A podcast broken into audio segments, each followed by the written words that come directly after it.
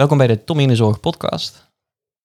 En mijn gast is vandaag Thomas Groen. Wellicht bij jullie al bekend. Thomas die is eh, verpleegkundige. Hij coacht ook verpleegkundigen. Daarnaast is hij spreker, trainer, community-eigenaar. Zeg ik dat goed? Mag ik dat zo goed zeggen? Zeker, ja, absoluut. En je doet nog zoveel meer dingen, maar dan, dan moeten we een hele podcast over maken. Dus ik, vertel eens, Thomas, wie ben jij? Ja, wie ben ik? Eh, Thomas Groen dus. Ik ben uh, onlangs 30 geworden. Dus officieel geen twintiger meer.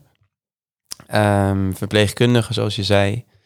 Um, ik ben nu coach, trainer, spreker voor verpleegkundigen. Dus ik help verpleegkundigen ja, vaker en beter voor zichzelf te zorgen. Zonder schuldgevoel nee te zeggen, onder andere grenzen aangeven. Maar ook gewoon het hele plaatje van vitaliteit. Nou ja, ook veerkracht. Um, ik ben opgegroeid in het, uh, in het hele mooie Uitgeest. Ik woon nu in Amsterdam. En ja, ik ben een hele, hele trotse oom van uh, vier nichtjes in totaal. één neefje. Ik hou heel erg van sporten, dus ik fitness vier keer in de week. Ik doe aan salsa dansen, aan jiu-jitsu, hoewel ik tegenwoordig nu even een pauze erop heb gezet. Ik padel wel eens. Ja, en ik hou van om bezig te zijn. Je doet er echt heel veel je doet echt heel veel. Hè? Die, we, net ook elkaar, we kennen elkaar al eventjes en ik hoor jou regelmatig dingen vertellen wat je allemaal doet. En dan denk ik van, wanneer allemaal, weet je wel? De, mm ik, uh, je bent heel bezig, maar ook vooral in de zorg. Um, kun je daar eens over vertellen, hoe jij in de zorg terecht bent gekomen eigenlijk? Want daar ben ik wel, ben ik wel benieuwd naar. Zeker, zeker. Um, dat is begonnen toen ik elf jaar oud was. Ik zat aan tafel in Zeeland en um, ja, mijn moeder zette de pan soep verkeerd neer en die viel me in schoot. Dus ik had brandwonden. Heb uh, uiteindelijk twee weken in het ziekenhuis gelegen. En toen ik, in het, ja, toen ik in het ziekenhuis lag, dus ik lag eerst in Goes, want het gebeurde in Zeeland. En toen ben ik overgeplaatst naar Beverwijk, uh, naar, het, naar het kinderbrandwondencentrum. Toen dacht ik al, ik wil graag ambulanceverpleegkundige worden. Want die mensen waren zo vet en zo lief. Dus... Ja, toen jij opgehaald of toen jij verplaatst werd, dacht jij al van, nee, ja, dit, wil ik, dit wil ik ook. Toen In het moment, nee, ja, toen mijn pijnscore een 10 was, dacht ik, wat jullie doen, wat doen jullie? Dat wil ik ook. Nee, maar oké, okay, maar, ik, ik vind jou in de reden, maar ik bedoel, ja, vertel verder. Je, ja, je werd, je werd naar Beverwijk Ja, later. Dus ik ben toen naar Beverwijk verplaatst. Ik ben uiteindelijk ook geopereerd. Um, toen ging ik al redelijk snel van de switch van ambulanceverpleegkundige naar plastisch chirurg, want die mensen die hadden mij ook geholpen. En nou ja, mijn broer en mijn zus die deden allebei um, gymnasium, dus ik dacht, nou dan ga ik ook maar dokter worden en word ik chirurg. Dus dat was, ja, was, mijn, uh, was mijn plan. Niet dat ik toen ik op de middelbare school zat echt dacht, oké, nu ga ik dat ook daadwerkelijk doen. Um, er kwam ook een, ja, een ongelukkigheid bij, want ik was en heel slecht in uh, scheikunde, natuurkunde, biologie, ook niet heel erg. Mhm. En in die periode kreeg ik posttraumatische stressstoornis. Van, ja, over mijn ongeluk. Dus ik had een aantal herbelevingen en heel erg nachtmerries. Waardoor ik echt met mijn hakken over de sloot me over ben gegaan. Van de derde naar de vierde.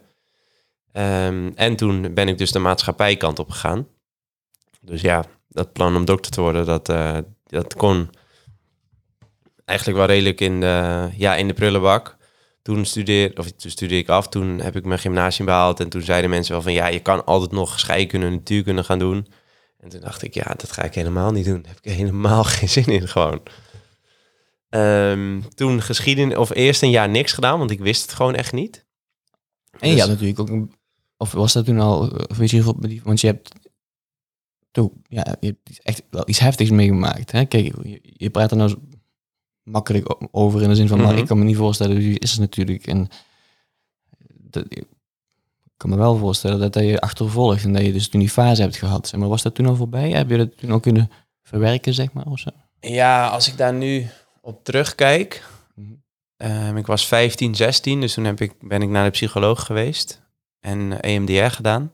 Wist jij waar jij overkwam toen, toen, toen, toen, zeg maar, toen wist jij meteen al van, oh, ik heb ik heb is daaraan gerelateerd? Of is het zo? Nou, het waren, ja, ik had nachtmerries onder andere van mijn ongeluk. Over die situatie? Ja, dat het weer letterlijk gebeurde. Zo. Um, nummer twee was dat ik een keer uh, mijn eigen brandwonden zag tijdens de wondbehandeling. En nummer drie was dat ik gillend en eh, schreeuwend en tierend van de pijn wakker werd in de uitslaapkamer.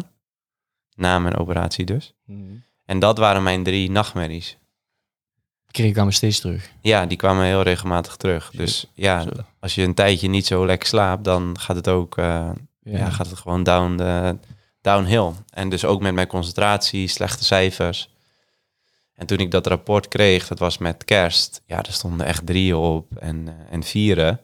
Ja, en toen moest ik het dus wel vertellen, maar ik schaamde me rot. Want ja, ik, ehm, Ook nog je, want was jij, hoe oud was je toen? volgens mij 15. Je zit natuurlijk nog een beetje in een bepaalde fase je Ja, zeker, eens, ja. door ook nog eens... eh, Ja, en later eh, op mijn 21ste ben ik nog, was ik voor de tweede keer bij de psycholoog. Want dat heeft er ook wel mee te maken voor een negatief zelfbeeld. Dus ik vond mezelf niet goed genoeg. Ik accepteerde mezelf niet hoe ik was. En ja, dat speelde toen ook al. Dat wist ik toen natuurlijk niet. Maar ik, ja, ik mocht geen hulp vragen van mezelf. Ik moest het alleen doen. Ik moest sterk zijn.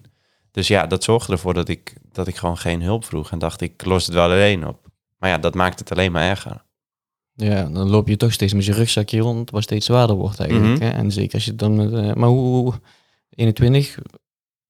En, maar ben je toen al in de zorg gaan werken? Of, eh, Ehm, of nog Op niet? mijn, even denken hoor, op mijn achttiende studeer ik af. Toen ben ik op mijn negentiende, dat jaar daarna, ben ik, heb ik geschiedenis gestudeerd, een jaar. Ehm, ben ik daar wel voor het einde van het jaar nog mee gestopt. En toen het jaar daarna ben ik verpleegkunde gaan, eh, gaan doen. Toen was ik twintig. Mhm. Ehm, en dat jaar daarna zat ik dus weer ehm, ja, bij de psychologen. En dat was omdat ik... eh, ik had weer bepaalde, bepaalde triggers in het ziekenhuis. Op een gegeven moment vroeg een, een patiënt aan mij... Dat was, toen liep ik stage in het AMC... de cardiothoracale chirurgie. En die man vroeg aan mij van... Ben jij zelf wel eens geopereerd? En het was echt in een, ja, in een split second... was ik helemaal zeiknat van het zweet. Mhm.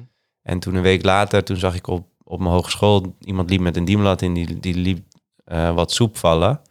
Niet, helemaal niet in mijn buurt, maar toen gebeurde weer precies hetzelfde. Waardoor ik dacht van ja, fuck, misschien ben ik wel weer die klacht aan het ontwikkelen. Dus toen ben ik zelf naar de psycholoog gegaan. Toen had ik gelukkig niet die klachten. Ehm, of tenminste, ja, geen PTSS-klachten of iets dergelijks. Maar toen kwam dus door een bepaalde vragenlijst eruit dat ik dus een negatief zelfbeeld had. Maar als jij niks had gedaan, want je had al wel iets geleerd toen je wat jonger was, denk ik van de dingen. Als je, je hebt denk ik toen misschien al eerder kunnen anticiperen op iets wat zich ging ontwikkelen. Mhm. hè? Dus je hebt wel al geleerd om eerder zeg maar, voor jezelf dan te gaan zorgen. In de zin van, want dat is ook nog wel een taboe voor sommige mensen, hè, om naar een psycholoog te gaan. Ja, al- Als je, absoluut. het, eh, als je het zeg maar ooit, heb zelf ook wel eens ooit een eh, sessie gehad, zeg maar.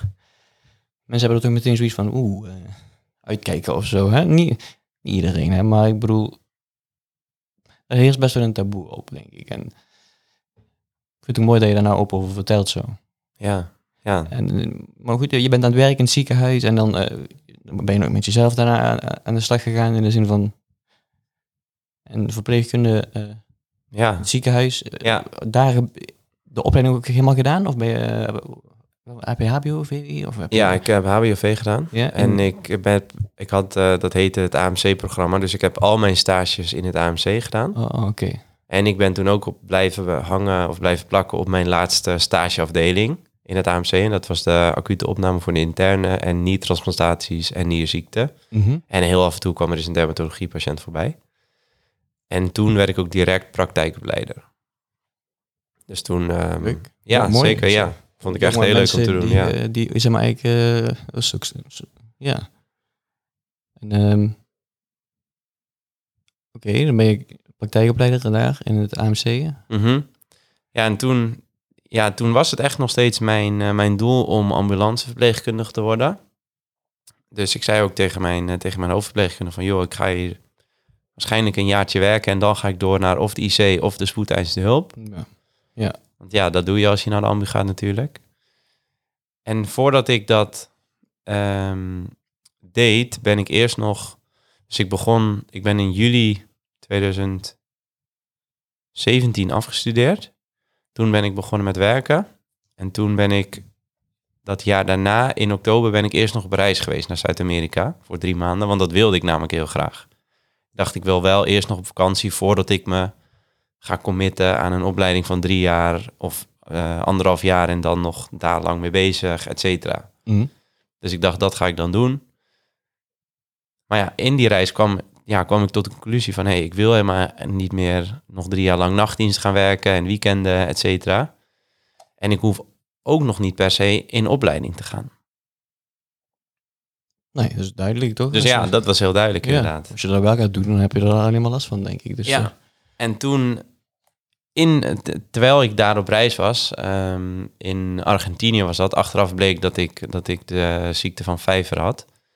Eh, antibiotica gekregen, heel erg, of door de vijver had ik heel erg nachtzweten en nachtmerries en door de koorts. mhm.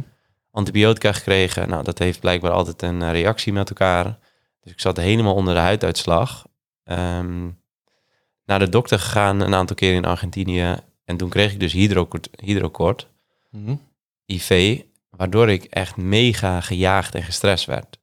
En dat, dat alles bij elkaar was weer een bepaalde trigger voor mij van nachtmerries, koorts, zweten, jeuk. Ik had heel veel jeuk. En was Eh, jij alleen op vakantie? ja. Oké. Ik had heel veel jeuk ehm, in mijn, eh, van mijn brandwondherstel. Dus dat, dat bracht het eigenlijk allemaal een beetje bij elkaar. Inderdaad, ook nog alleen. Ja. Was ook ja, niet fijn. Ehm, mega gestrest ook door, nou ja, en gewoon omdat het gebeurde en door de hydrokort. Ja. En toen ik thuis was, ik heb een bepaald brandwondenboek. Dat is geschreven door mensen die bij mij op bezoek kwamen, onder andere mijn vader. En toen las ik dat. Nou, en toen was ik echt zo hard aan het huilen dat ik dacht, ja, dit is gewoon nog steeds niet klaar. Mhm. Dus toen ben ik eh, na die reis op mijn 25ste weer naar de psycholoog gegaan. En toen heb ik wel nog meer eh, traumaverwerking en EMDR gedaan. Mhm. En teruggekomen, maar jij bent teruggekomen, bent weer met jezelf aan de slag gegaan. En toen ben, ben, ben jij toen, eh, zeg maar, heb je er toen voor gekozen om, om ook de, de coachende kant meer op te gaan? Want dat deed je eigenlijk al in het ziekenhuis, hè? Mhm. Als werkbegeleider, denk ik. Ja, als werkbegeleider. Ik was geen vaste eh, werkbegeleider van een student, maar dat deed ik natuurlijk wel. Ja. Ehm, ja, toen ik terugkwam, toen ben ik naar een loopbaancoach gegaan. Van hé, hey, dit was altijd mijn plan. En nu is het niet meer mijn plan. Dus ja, wat ga ik dan doen? Mhm. Ja, en toen, toen, toen schreef ik van, ja, wat vind je leuk en wat kan je goed? En ehm, dat weet ik nog goed. Zij heet, eh, ze heet Pam. Ze was mijn loopbaancoach. En ik omschreef dat en toen zei ze, ja, met deze eigenschappen kan je ook gewoon een leuke barman worden. En toen dacht ik, ja, En toen ben je op de bouw gaan werken toen. Of, eh, nee, maar oké, zo... ehm, was wel een goede ja, coach. ik, ik, ik wist gewoon weinig. Of tenminste, ik dacht gewoon, ja, dit is altijd mijn plan geweest. Wat ga ik dan doen? En toen ben ik inderdaad begonnen met een, eh, met een coachingopleiding. Want we zouden ook al wat later een leerwerkplaats gaan opstarten. Mhm. Ik startte tegelijkertijd met coaching geven bij ehm, een vitaliteitsplatform. Dus ik begon echt mensen te begeleiden die, ja, de, dat is de slogan van, eh, van het bedrijf, de beste versie van zichzelf wilden worden. Je mag gewoon namen noemen van bedrijven, hè? Je hou je vooral niet. Ja, dus ik weet niet of het nog bestaat, maar de personal body plan is het. Oké. Ehm, ja, dus zo, dus zo begon ik eigenlijk met het coachen. En dat vond ik echt super leuk. Ja, en toen begon corona. En toen begon het bij mij echt te wringen. Mhm. Dat ik heel veel mensen, ik heb ook een, een aantal weken op die, eh, op die co cohortafdeling gewerkt. En ik zag gewoon heel veel mensen die heel ongezond waren in het ziekenhuis. Die zichzelf ja, gewoon lichamelijk wel ehm, verwaarloosd hadden. En aan de andere kant was ik mensen aan het helpen en aan het begeleiden die juist heel veel eigenaarschap nemen over hun gezondheid. En daar ook echt daadwerkelijk iets mee wilden doen. Mhm. Nou, ik was al niet helemaal meer happy op mijn afdeling of gewoon überhaupt in de zorg. Ik had geen last van de werkdruk, geen last van loon of iets dergelijks. Wel last van nachtdiensten, want ik kreeg weer echt migraine in mijn laatste nachtdienstreeksen. Mhm.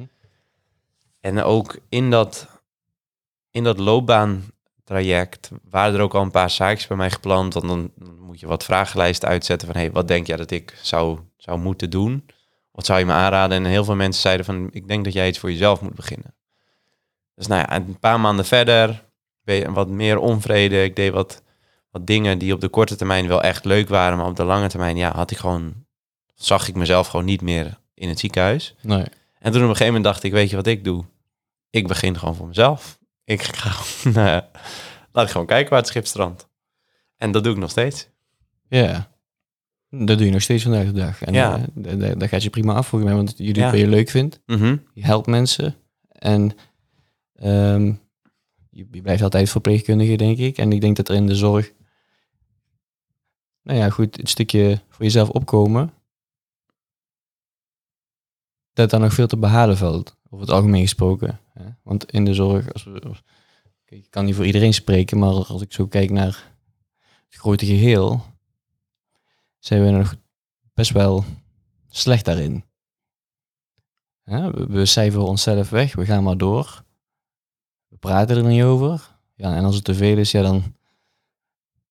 Of we raken misschien in een burn-out, of we stoppen met het werk in de zorg. En dat geldt niet voor iedereen, hè. Sommige mensen zijn hier goed in. Maar over het algemeen hebben we toch wel een collectief minderwaardigheidscomplex of zo. Ja, dat, dat ben ik helemaal eens. Helemaal eens. En hoe gaan we dat oplossen? Vraag ik me wel, dat vraag, dat vraag ik me wel echt ooit. Want ik, ik denk echt dat een van de grootste problemen in de zorg, hè, en ik, heb wel vaker iets gezegd, ook over salaris of zo, dat ik niet denk dat dat, weet je, dan, mensen zijn daar wel eens wat boos over, van, eh, hè, is wel eh, heel erg, tuurlijk is dat en zeker een ding. Ik vind zeker dat mensen in de zorg meer mogen verdienen, 100%. Maar een van de grootste problemen is denk ik echt hoe wij zelf ons werk vormgeven en dat we totaal niet beseffen hoeveel we invloed we daarop hebben. Ja? Mm, Je zou weerstand krijgen als je dat denk ik gaat pakken.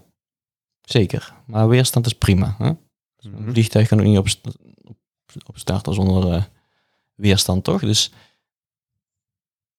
maar we doen het niet. Snap je wat ik bedoel? En dat vind ik, waarom, wat jij doet, vind ik daarom ook zo mooi. Ook met jouw community. Jij ondersteunt mensen daarin, zeg maar. Om ze weerbaarder te maken. En die mensen die dat dus doen, die inspireren ook weer andere mensen. Ja. ja, ten eerste dankjewel. Dankjewel voor het mooie compliment. Ja, en, en- maar, maar hoe, als je nou eens even een paar tips moet geven voor de mensen die nou luisteren. Mhm. hè? Ja. Ehm, ik zal eerst nog een, kijk, een klein stapje daarvoor doen. Toen ik, dus voordat ik gestopt ben ehm, ja, met het werken met mensen in bedden, laat ik het maar even zo zeggen.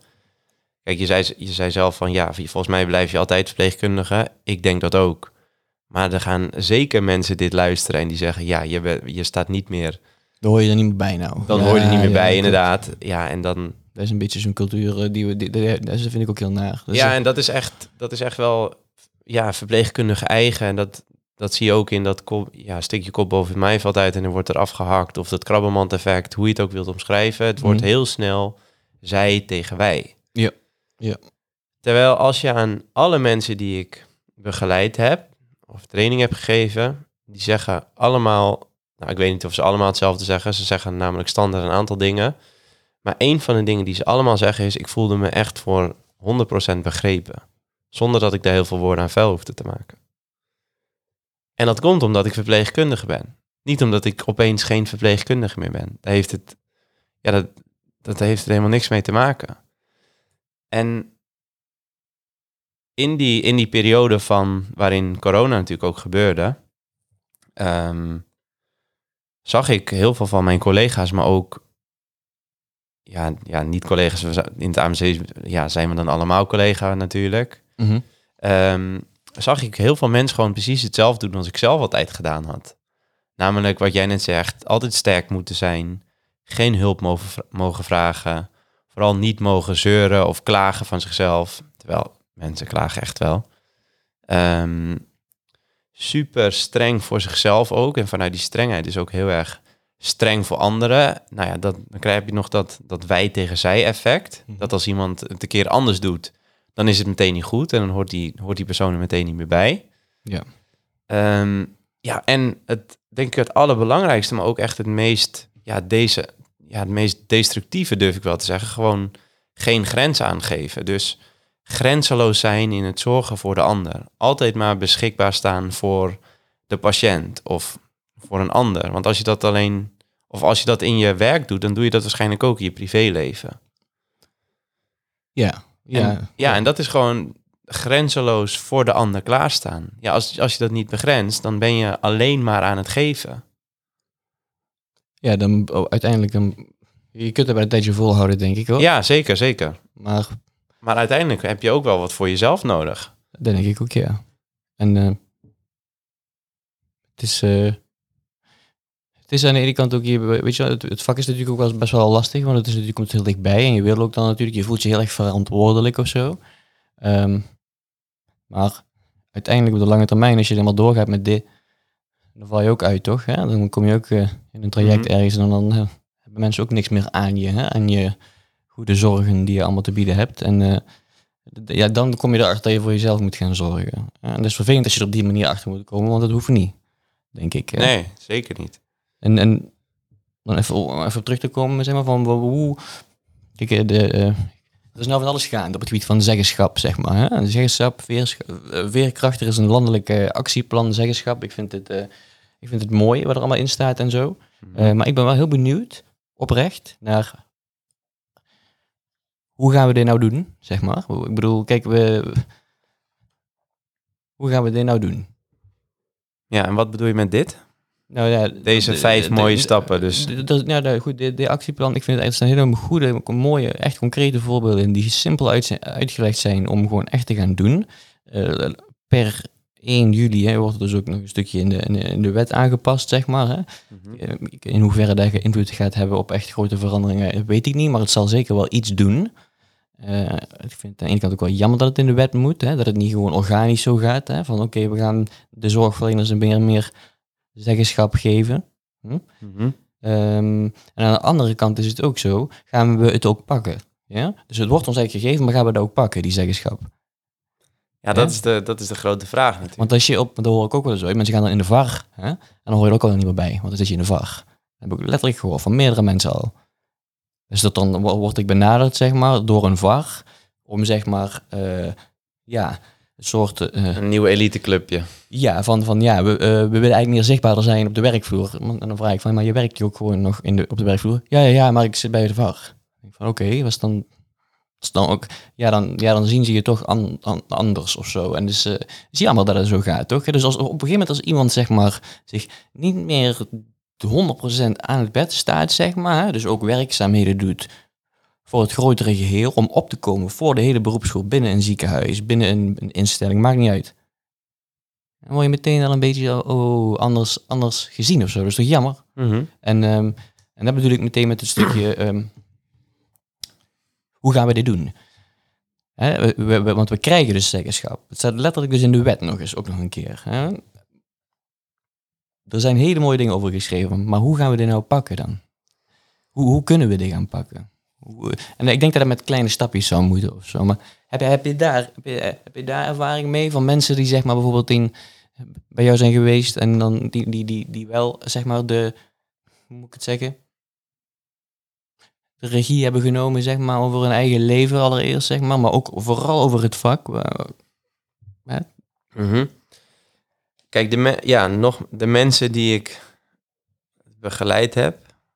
eh, en ik ben even snel aan het denken, zijn dat alle mensen? Maar ja, dat zijn alle mensen. En ik ja, realiseer me ook dat mensen dit gaan luisteren en die denken, ja, ehm, vanuit hun eigen bescheidenheid. Kijk, alle mensen die ik begeleid heb, en ik doe alleen maar wat langere trajecten, want ik geloof echt in ehm, dat het is gewoon fucking moeilijk om echt op de lange termijn voor jezelf te zorgen en je grenzen aan te blijven geven. Mhm. En wat minder streng voor jezelf te zijn. Ja. En als je daar drie coaching sessies tegenaan eh ramt, dan kom je er gewoon niet. En dat is tegelijkertijd de beweging die wij eigenlijk met z'n allen aan het maken zijn. We zijn alleen maar op de korte termijn zijn we fijn aan het, aan het bekijken en aan het behandelen. Ja, wat hoort daarbij? Lange termijn pijn. Dus Mhm. waar ik mensen bij help is eh, korte termijn pijn, lange termijn fijn. En dat zijn vaak niet de dingen die ze per se willen hebben, maar wel die ze nodig hebben. Hoe- hoe- eh, moet je even uitleggen. Korte termijn pijn ehm, en, dan, en dan lange termijn... oh, en, en, Lange termijn fijn. Uh-huh. Een heel concreet voorbeeld daarvan is, dus als je moeite hebt met je grens aangeven, dan ben je bijvoorbeeld bang om niet leuk gevonden te worden of niet aardig gevonden te worden. Angst voor afwijzing, dat is eigenlijk wat, er, wat eronder ligt. Mhm. Ja, door de, door de rest, zeg maar, van de, de club. Inderdaad. Ja, ja. En tegelijkertijd zit dat allemaal in je hoofd. Mhm. Maar als je altijd met de mening van anderen mee blijft gaan en altijd maar mee zal ja, buigen, dan doe je uiteindelijk niet wat je zelf wilt of wat je leuk vindt. En dan heb je dus, ja, dat is. Dat, dat komt eigenlijk alleen maar neer op lange termijn pijn, want dan blijf je dus altijd klaarstaan voor de ander. Mhm. Ja. En die korte termijn pijn is dus wel nee zeggen, terwijl je dat moeilijk vindt. Dus dan bestaat het naast elkaar. Dus dan is het niet of-of meer. En als je vaak een nee gaat zeggen, dan ga je dus doen wat je zelf leuk vindt. Blijf je nog steeds klaarstaan voor de ander natuurlijk, want het kan gewoon tegelijkertijd. En dan kom je er opeens achter van, hé, hey, wat vind ik nou zelf leuk? Wat zijn nou mijn hobby's? Hoe kan ik ervoor zorgen dat ik zelf doe en krijg wat ik leuk vind? Ja, want je, je houdt ook best wel wat tijd over als je een keer wel vaker nee durft te zeggen. Zeker. Want als je altijd maar altijd voor alle, iedereen gaat doen, hè, van andermans Ja. probleem jouw probleem gaat maken. De, Ja, en dat is hetzelfde als met uitspraak, je kan niet voor de ander zorgen als je niet goed voor jezelf zorgt. Nou, dat kan prima op de korte termijn. ja, zeker. Dan ga je alleen hartstikke nat. En dan kom je dus bij, dat is dus zo'n korte termijn fijn, lange termijn pijn eh, beweging uit. Dus ja, je moet gewoon echt voor jezelf zorgen als je op de lange termijn voor de ander wil zorgen. En dat voor jezelf zorgen, dat is vaak een grote uitdaging voor mensen. Dus dat is dan, wordt dan de korte termijn pijn. Maar het is nou ook wel heel druk in de zorg. Hè? Dus eh, hoe gaan we dat doen? Snap ik Ja, bedoel? zeker. Hè, even, om even, even zo te spreken, want het, is best wel druk. Mhm. We hebben minder mensen, zeg maar. Hè? In de zin van, ja, we zijn... Het is niet zo dat de, de instroom eh, heel erg flink is, zeg maar. Hè? Als je kijkt naar de, de, gewoon de, no- de normale uitstroom van mensen die op een bepaalde leeftijd zijn, die gewoon stoppen met werken omdat ze lang genoeg gewerkt hebben. Dat komt er ook nog aan. En dan neemt ook nog een, is ook nog een toenemende zorg, zorgvraag, zeg maar, in de zin van, ja, feitje Mhm. wel. Gewoon, hè, dat meer mensen zorg nodig gaan hebben als je gewoon kijkt naar eh, de mensen die worden ouder. Ja, je kent het. Hè? Dus ehm, dan wordt het nog moeilijker eigenlijk. Het wordt zeker moeilijker. Toch, komt, toch, komt toch op jou neer, zo voel je het dan natuurlijk uiteindelijk. Hè? En het is, ja, zo, ik voel dat dan ook wel een beetje zo. Als je zo, denk je toch, ja, oeh, weer een openstaande dienst. En als ik dan niet, als er niemand gaat, ja, dan ga ik wel weer of zo bijvoorbeeld. Dat, dat gevoel. Ik denk dat heel veel mensen dat, dat zo denken. Ja, ik, dat, kijk, dat, dat heb ik zelf ook gehad. Dus Mhm. ja, ik, ik ga ook geen mooi verhaal, verhaal vertellen van oh, het is heel makkelijk en het, het gaat makkelijk worden. Kijk, wij zorgverleners hebben gewoon ja, van nature een hoog verantwoordelijkheidsgevoel. En dat zullen we altijd hebben en dat zullen we altijd blijven dragen. Dus op het moment dat je dan wat meer voor jezelf gaat kiezen, zal er echt wel een schuldgevoel omhoog komen. Alleen de vraag is, denk ik, en dat is de, de vraag die, ja, die iedereen zichzelf mag stellen. Ja, wat gebeurt er als jij omvalt? Dus we zeggen altijd wel van, ja, oké, ik ga nu die extra dienst doen. En het is prima om af en toe een extra dienst te doen, als je dat kan, als Ja. je dat aan kan. Ja. Maar als je diensten gaat doen terwijl je die lasten of die verantwoordelijkheden op dat moment niet kan dragen, ja, dan ben je jezelf tekort aan het doen. En dan doe je dat voor de ander. Maar als je dat een aantal keer doet, dan kan je helemaal niet meer zorgen voor de ander. Nee. En dan heeft de ander dus echt een probleem.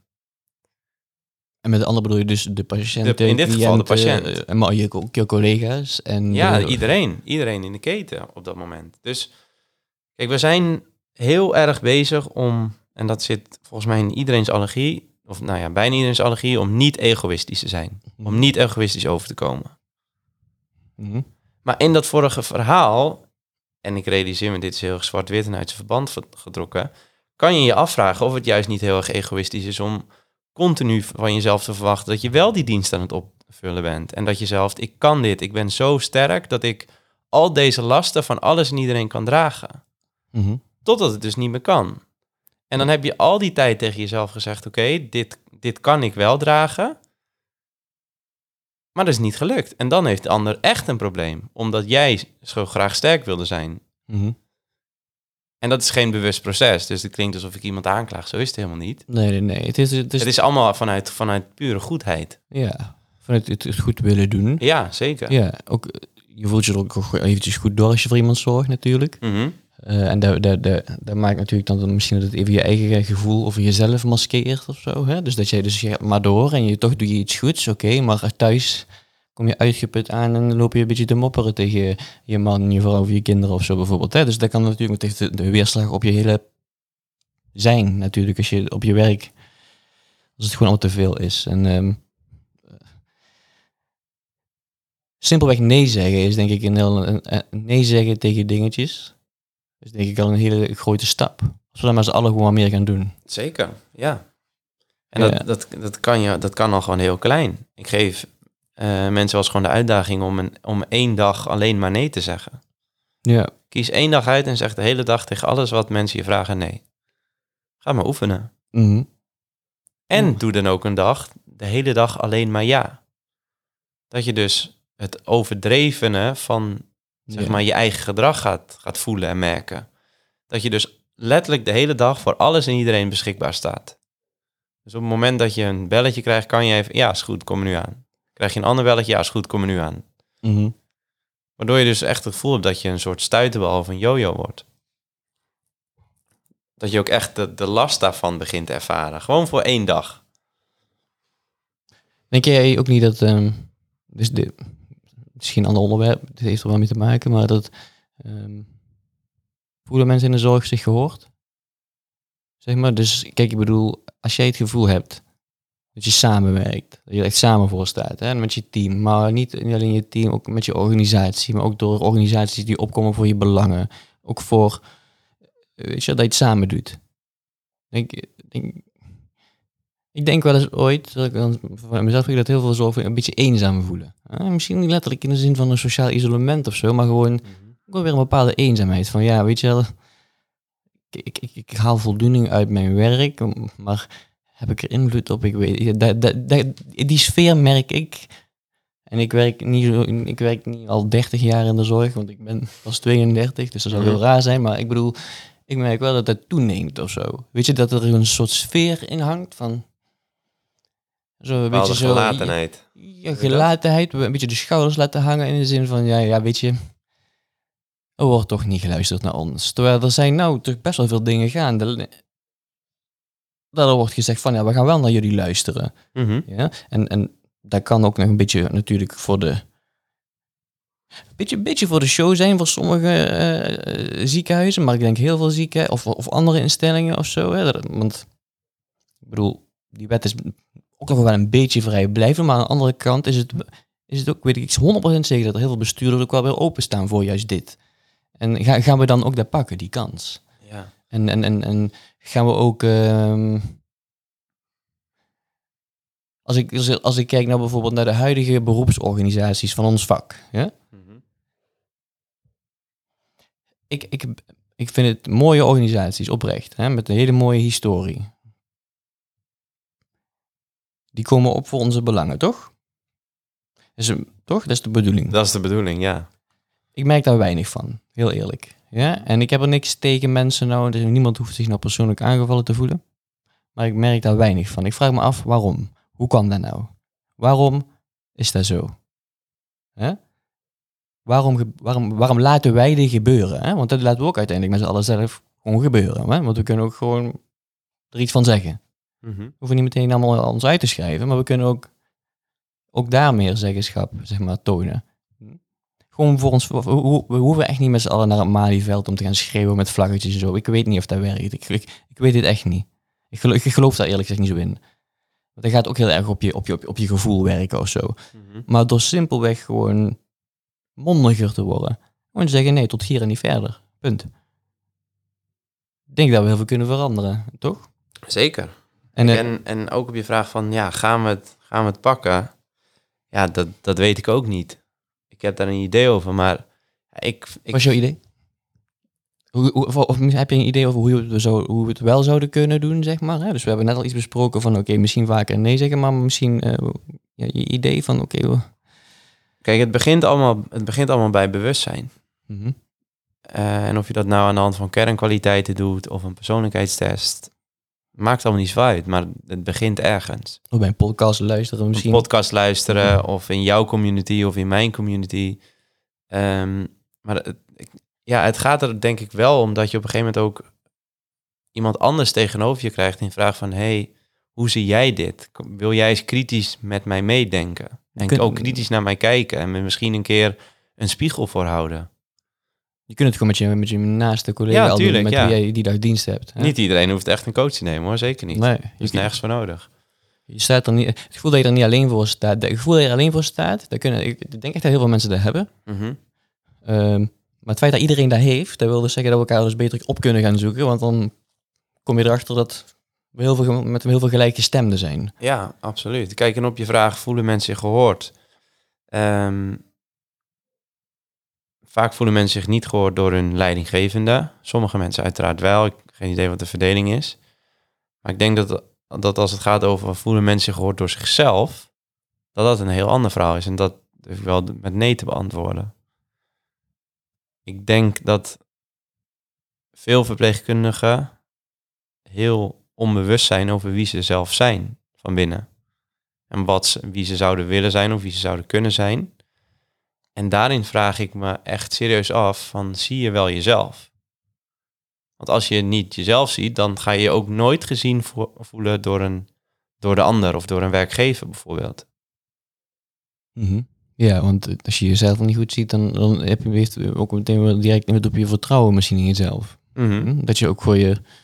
ehm, en dat geldt natuurlijk niet voor iedereen, hè, want ik ken ook wel voorbeelden van mensen die echt er wel echt voor gaan. Ehm, dus ik hoop niet dat mensen zich allemaal aangesproken voelen of zo. Maar inderdaad, wat jij zegt is wel heel goed. Van, inderdaad, er wordt, wordt, wordt wel naar ons geluisterd, maar luisteren we ook wel vooral naar onszelf. Mhm. En ja, dat, dat heeft natuurlijk allemaal met elkaar te maken. Want ja, je kan alleen, of je kan het, iedereen kan nee zeggen. Dus ik geef wel eens trainingen over grenzen geven. Dan vraag ik, ja, wat hopen jullie vandaag te leren? Ja, nee zeggen. En dan zeg ik, nou, we kunnen toch allemaal nee zeggen. 3, 2, 1, en dan zegt iedereen nee. Ja, daar gaat het niet om. Mhm. Nee. Want dat, dat kunnen we wel. Maar het gaat erom dat we aanvoelen van... hé, hey, dit is het moment dat ik voor mezelf nee mag gaan zeggen. Want als je dat voelt, dan denk je... hé, hey, ik, kan, ik kan even niet nog een keer ja zeggen. En dan, dan ja, durf ik wel te zeggen dat je het begint te begrijpen... wanneer je nee mag gaan zeggen. Kijk, je mag altijd ja blijven zeggen tegen de leuke dingen natuurlijk. Maar als je op een gegeven moment gewoon geen puff en energie meer hebt... voor een aantal van die leuke dingen... ja, dan wordt het tijd om ergens een keer nee te gaan zeggen. Ik denk wel- wel dat het nou... De, kijk, het is ehm, volgens mij 30 jaar geleden, de, de Witte Woede of zo. Mhm. 1991 of 1990 of zo. Wanneer was het? Ja, 1988 hield 88, eh, oh. Gabi Breuer de eerste toespraak. 88. Oké. Mooi wat er toen gebeurde. Hè? Was best wel rebels volgens mij. Mhm. Ik laatst ook wel iemand daarover en die zei, ja, er is eigenlijk niet zo heel veel veranderd. En dan weet ik, dus dan vind ik dat wel jammer eigenlijk. Snap je? Kijk, ik, ik was er toen niet bij, hè? Jij ook niet volgens mij. Nee, dus nee. eh, wij kunnen dan denk ik niet echt helemaal in, in, eh, mee. Maar die mensen die er dus wel bij waren, die zeggen van, er is niet zo heel veel veranderd of zo. Mhm. Er is wel een statement gemaakt, maar is er heel veel veranderd? Nou, de... Ja, ik... Er zijn clubjes opgericht en zo. Hè? Zeker, mooi, Ja. goed. Hè? Zeker mooie, mooie dingen die ontstaan zijn. Maar is er iets veranderd dan?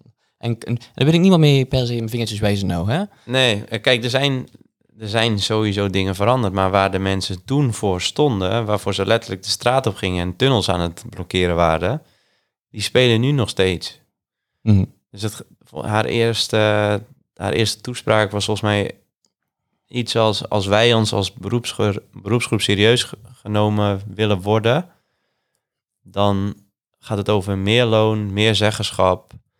want de werkdruk neemt toe en nog iets neemt toe. Ja, die uitspraak kan je meer dan 30 jaar later nog steeds nu kopiëren plakken. Ja. Nog precies hetzelfde. Ja.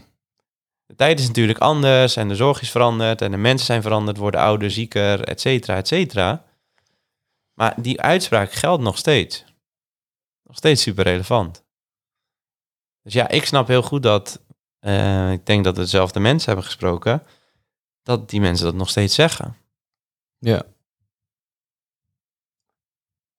Kijk, aan de andere kant denk ik ook, door dat, door dat te zeggen, focus je ook alleen op wat er niet is. Mhm. Ehm, terwijl, ja, ligt hier voor ons, er komt een wet over zeggenschap en er komt een landelijk actieplan zeggenschap. Dus ja, tuurlijk, er gaan een aantal dingen niet goed, maar ja, mogen we ook focussen op de dingen die er wel zijn en die er wel gebeuren. En ja, die dus wel echt een kans geven.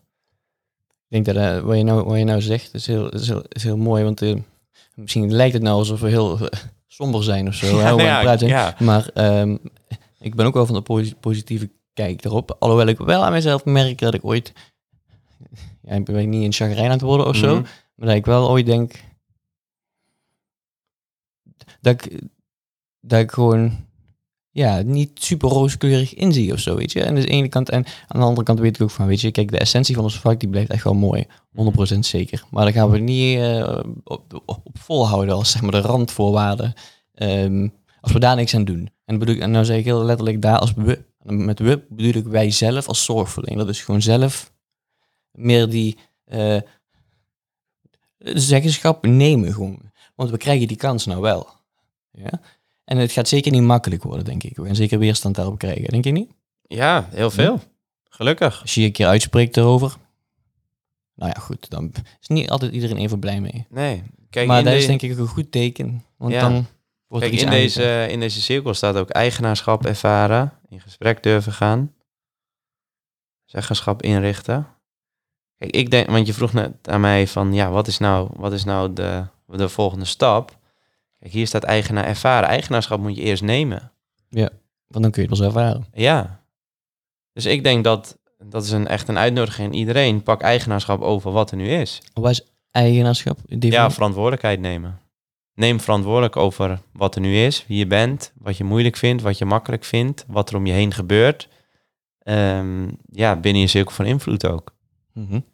En, ook, en, en, en die cirkel van invloed, denk ik dat ook wel een, een goede is. Kijk, mensen, eh er wordt nog heel erg gedacht van bijvoorbeeld, oh, de directeur, daar kan ik niet mee in contact komen. Die zit ergens in een toren daar te wachten.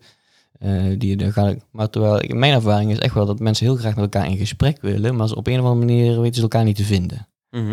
Er is een soort denkbeeldige kloof in de laagjes in de zorg. Er zijn ook heel veel laagjes, hè, dus ik, ik snap het ook wel een Ja, beetje. er maar zijn heel veel en laagjes. er zijn ook minder leuke eh, bestuurders, en- maar er zijn ook heel veel minder leuke zorgverleners. Hè. Dat, dat, dat is een feit natuurlijk, maar over het algemeen willen we elkaar heel graag opzoeken. Dat zie je ook alweer overal terug. Mhm. Dus we willen graag het gesprek aan, maar we weten nog niet goed hoe. Een beetje zo'n ongemakkelijke situatie is het, eh, Ja. het lijkt wel. En daarom doen we het dan niet of zo. En ehm, door simpelweg gewoon dat wel te gaan doen. Je kunt, gewoon, je kunt gewoon de, de, de bestuurder een keer e-mailen of zo. Of met even, van, mag ik een keer een kopje koffie komen drinken? Ik denk dat heel veel eh, mensen daarvoor openstaan. ja, ik denk dat ook. En Want, eh, ja, want, en moet ik, we kunnen natuurlijk blijven mopperen en dat doen we dan vooral tegen elkaar. mhm. En dan ja, gaan we en- weer naar huis. En dan is het weer dag erna weer. En dan eh, hebben we, halen we plezier uit ons werk. Zeker. Want we hebben ook leuke dingen.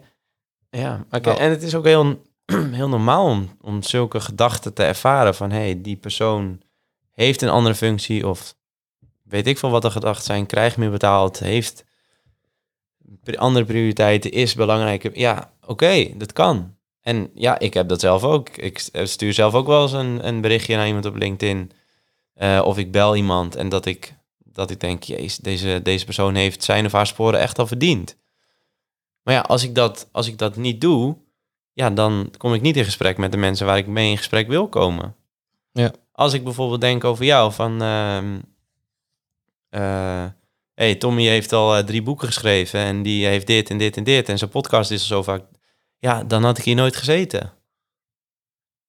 En dan, om, had Brigitte de Brouw bijvoorbeeld, had, als het over zeggenschap gaat, had morgen ook geen masterclass in mijn eh, community komen geven. Mhm.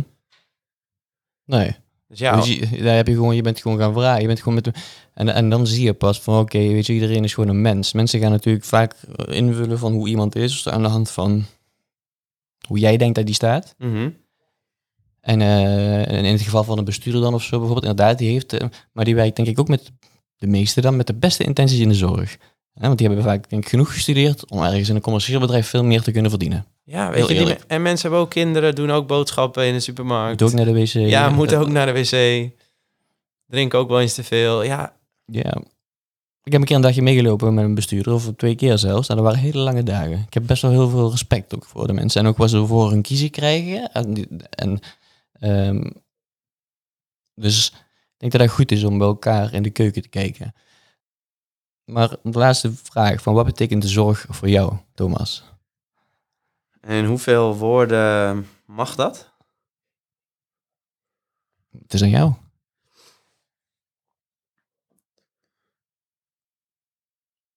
Zorg betekent voor mij. Ja, toch wel eh, een van de mooiste dingen die er, eh, die er zijn. Zorg voor de ander. Ik heb daar zelf natuurlijk heel vroeg eh, ervaring mee gehad. Of ja, dat ervaren, zo van mogen ontvangen. Ik heb het zelf gedaan. Ehm, ik doe het natuurlijk nog steeds. Ik, ja, ik blijf diep van binnen gewoon echt nog wel... eh, ik, ja, ik vind zorg ook leuk. Ik hou ervan om andere mensen naar zin te maken. Inmiddels ben ik zorg voor mezelf ook echt onwijs leuk gaan vinden. Dus ja, als het, het gaat om zorg voor jezelf, maar ook voor de ander.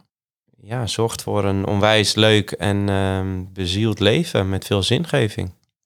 Ja. En, en Dus ja, wat betekent het? Liefde en een volmaakt leven. ja. En, eh, en ik denk, eh, dat zeg je mooi. Ik denk ook dat als je dat zo gaat doen, meer voor jezelf zorgen, jezelf ook meer zorg gunt, ja, Mhm. dat je dat uitstraalt op anderen. Zeker. Kijk, als je, En je anderen ook gelukkiger maakt. Ja, dus, absoluut, als je goed voor jezelf zorgt, als je zelf goed staat, kan je dat ook gewoon weer beter doorgeven aan de ander. ja, dan ben je ook een voorbeeld ook misschien voor anderen meteen. Misschien, dat weet ik wel zeker. Ja, dat weet ik wel zeker, ja. En dan zullen, zullen mensen naar je kijken. en ook dan in het begin zal je altijd weerstand krijgen van mensen. Zeggen ze, oh, heb je haar weer of heb je hem weer? Mhm. Ja, Ja, en op een gegeven moment dan het gaat allemaal, het wordt allemaal gewenning en mensen gaan vragen, hey, hoe doe je dat? ja, dat klopt, ja. Dan, eh, ja, dan word je een voorbeeld of een inspiratie of hoe je het ook noemen wilt. Ja, en dan kunnen mensen vandaag al mee beginnen tijdens hun dienst. Daar kunnen ze vandaag mee beginnen. Ja, daar heb je niemand voor nodig, alleen jezelf. En dat is gewoon misschien even uit je comfortzone stappen, maar... Die, hoe zei je nou? Die korte, pijn, korte die termijn keer pijn. dat was ook een hele mooie quote. Ja, korte termijn pijn, lange termijn fijn. Mooi. Jullie hebben net eh, de uitgebreide definitie gehoord. Ik wil jou bedanken, Thomas, voor dit gesprek. En ehm, ik hoop jou weer een keer te spreken op deze manier. Ja, heel graag gedaan en eh, ook onwijs bedankt dat ik hier mocht zijn. Mensen, een hele fijne dag. Later.